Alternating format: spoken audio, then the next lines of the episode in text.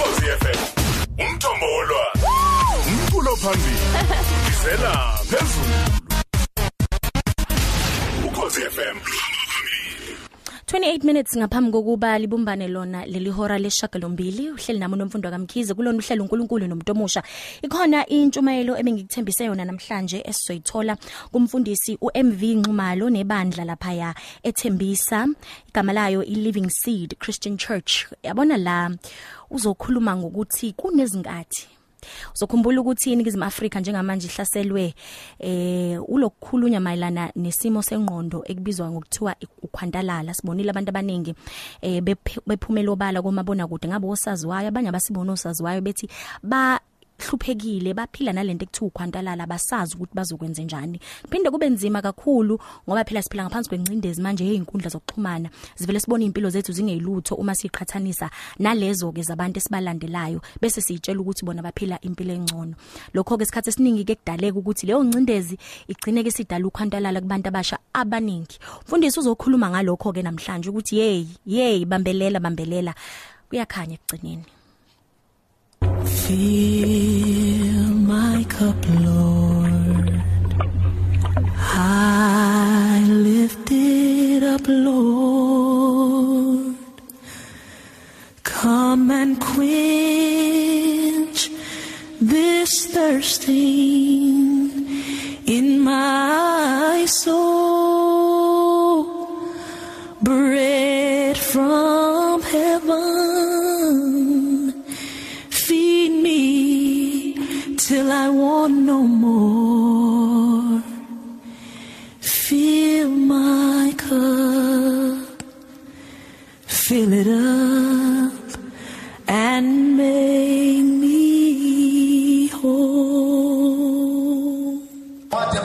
yabaseGalatia chapter 6 verse number 7 wakhona uthi verse number 9 uthi kepha masingakhathali masingakhathali kwenzeni kahle ngokuba siyakuvuna ngesikhathi esifaneleyo uma singadamali aphinde kepha masingakhathali kwenzeni okuhle. Siyakuvuna ngesikhathi esifaneleyo. Uma singadangani siphinde sivule ngokusheshsha incwadi kaGenesis. Sahluko siyasishiyagalombili sifunde uverse number 22 kufunde kanje ngokuloba kwenkosi. Umhlaba usekhona ukutshala nokuvuna amakhaza nokufudumala. Ihlobo nobusika imini nobusuku akayiqhamuka izwi lenkosi leli thina sonke sithi amen. Namhlanje bathandekayo emoyeni wami kunalelizwi siphithile ikhathini la abantu abaningi bekhathele. Siphithile ekhathini la abantu bedangele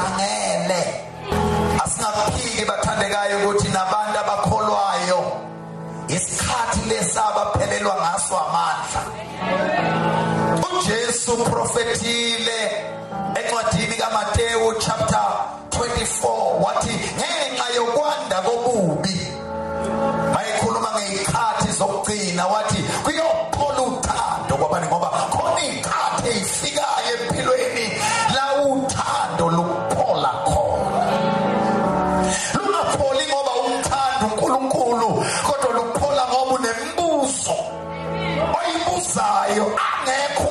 umuntu ongasondela akunikeze impendulo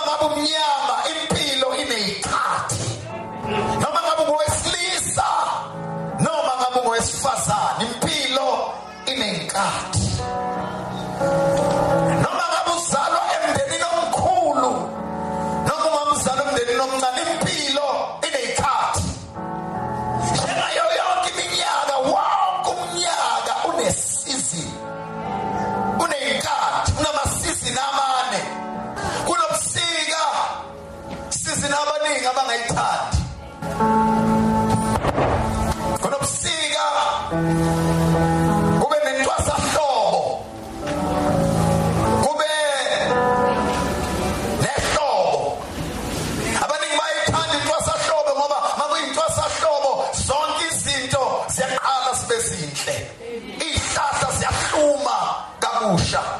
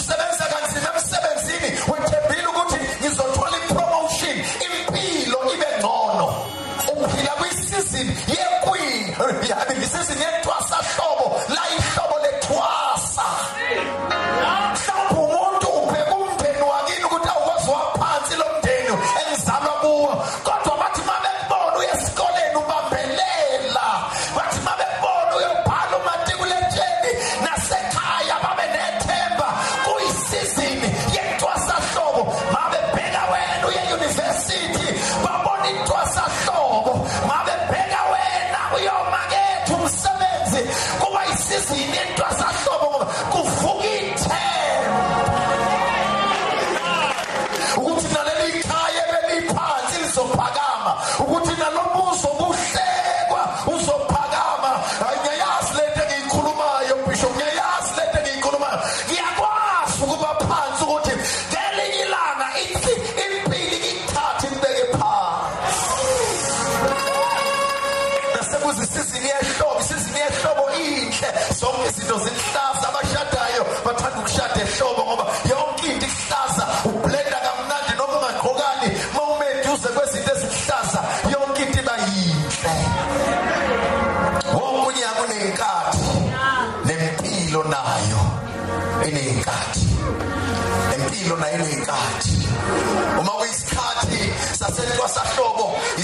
sokuthi kutshalwe.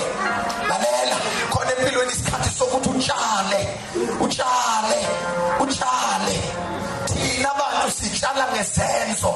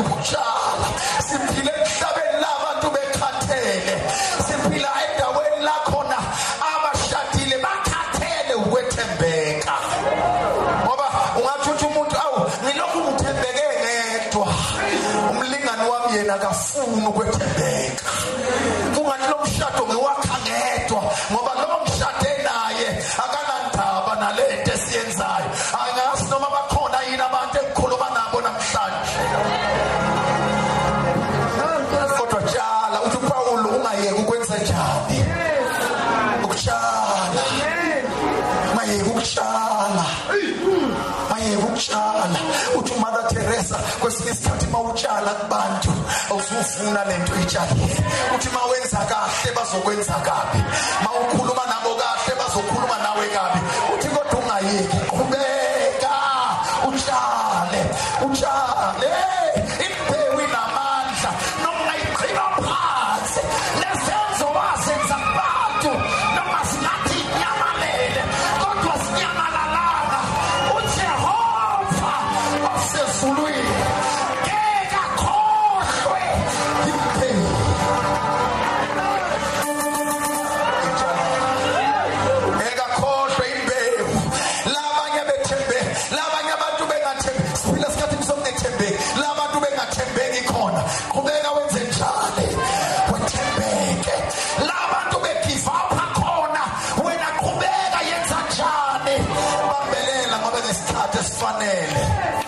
Uyafunda uthi angithi hey mama noma ngabe udla idakamizwa ungayekeli ungayekeli kuseyisizini kuseyisikhathi sazo alibona igama lenkosi. Kunesikhathi sehlobo kunesikhathi sehlobo bese kuba nesikhathi sekwindla.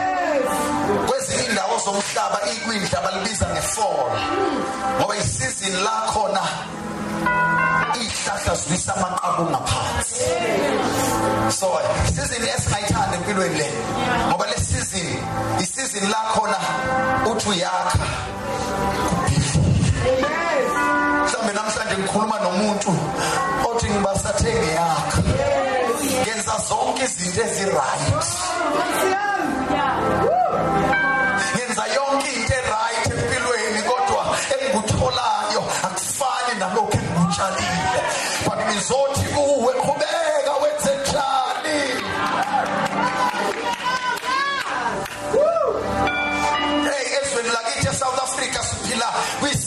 Noma kwinkathi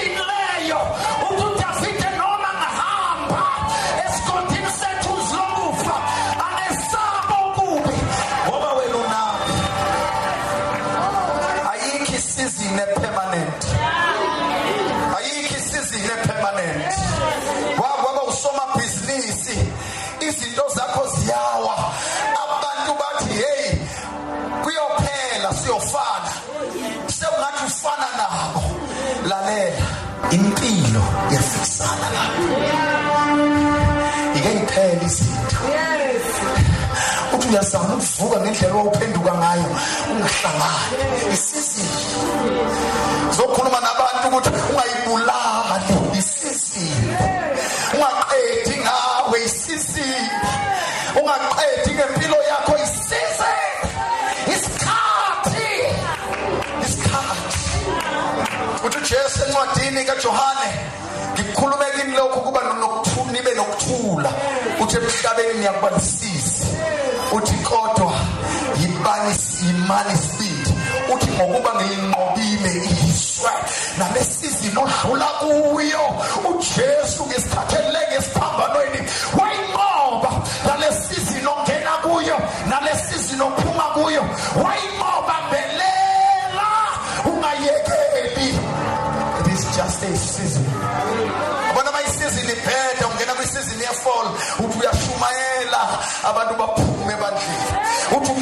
umisa imvuselelo banga-attend uthi wenza lokhu ngenze it's a season. Kuseyisikhathi. Ma ungakwazi ukubambelela siyedlula isikhathi. Funa ukuya ngasekuthandazeni siyedlula ungayibulali esikhathini sakhe sokumnyama kwake kwafika isizini enjalo heyi bazalwane yafika empilweni. Kanawomi nawomi nomyeni wakhe u-elimeleki. Babehlala kamnandi ebethlehema kwakunokudla kunesinkwa my god. Yonke into yayihamba kahle. Le ndoda u-elimeleki yayizele inamadodana ayo amabili. Awumadoda awumadoda umalon yona la madoda la akhula. Lithi ibhayibheli basebefikwa yisikhathi. Lithi ibhayibheli kwaba nendlala yesikwe ebhetlehema lithi ibhayibheli bakuba nendlala bezwa ukuthi kwamowabi nokho ukudla kukhona. Hawu nkosi jesu nkosi yami. Lithi ibhayibheli basuka ngethemba lokuthi bazofica ukudla lapho beyakhona. Besuka ngoba lalela mawusuka endaweni uke wakhuluma usisinomfundo wathi uma eflya esuka eFrankfurt ehamba eya eIndiana eAmerica uthi he flew back in time. Wahlehla wayemuva why? Ngoba isikhathi sethu siphambili sabo sisemuva so maye ndize yongena khona uyahlehla. Ayangizwa bazama maye ndize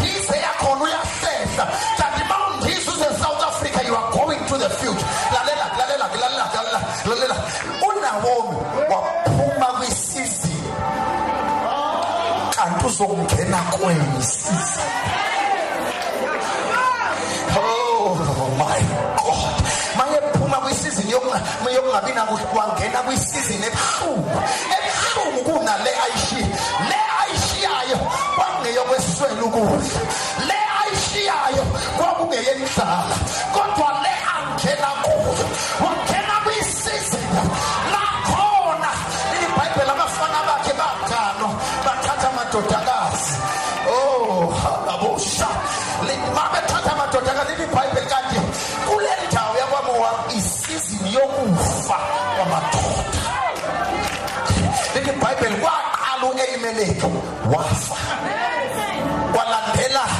Umaloni nokhiliyoni lithi iBhayibheli nabo bafa emzini kaElimeleki kwasala abafelokazi abathathu umfelokazi unawomi omdala nabafelokazi ababili uRuth noOpha abancane ufuna ukuvala ngalamazwi kwesinye isikhathi uyothi ushiya lo mshado ngoba ucabanga ukuthi kunamadlela aluhlaza.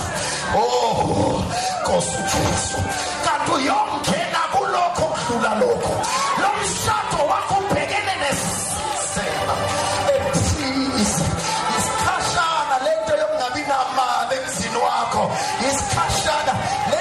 yokugulelwa emzini wakho isikhashana. Lento yokuthi ingane azizwa. Isikhashana. Lento yokuthi izinto ayihlangane kuseyisikhashana. Kodwa lalela ungaphumi kwisizini. Don't try ukuthi uescape isizini. Hlala kwisizini yakho. Because uzothi uyaphuma kwisizini ungene kwisizini ewest ungaliyeki lelo bhizinisi sekuzoluka. Ungaliyekeli leyo business idea izokwenza imillionaire yakusasa kodwa wena ngoba uyithola ifunding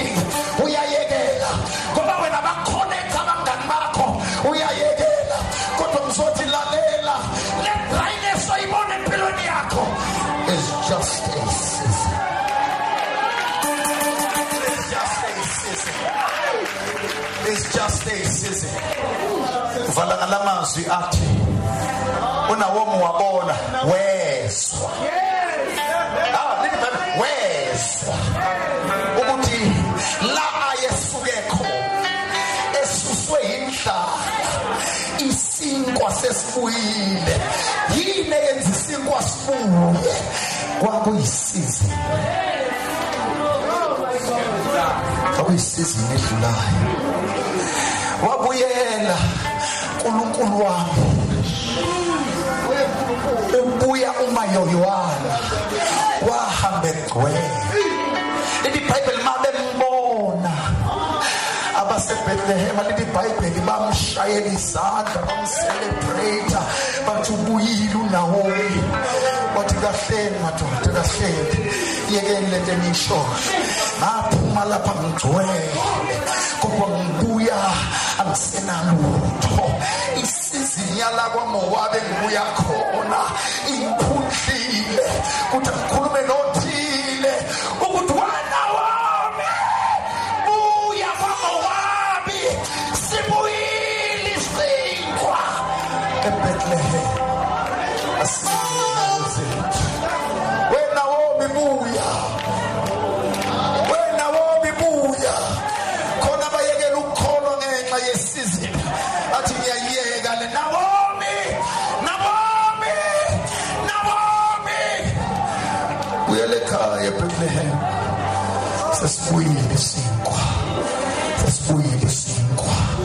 sizobuya nakho isinkwa awuphakamisa izandla zakho thank you.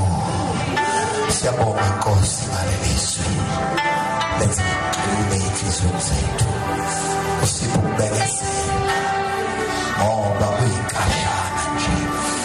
Kodwa izodlula Jesus mighty name. Phefumulo nentsha. uNkulunkulu nomuntu omusha. Ukhozi FM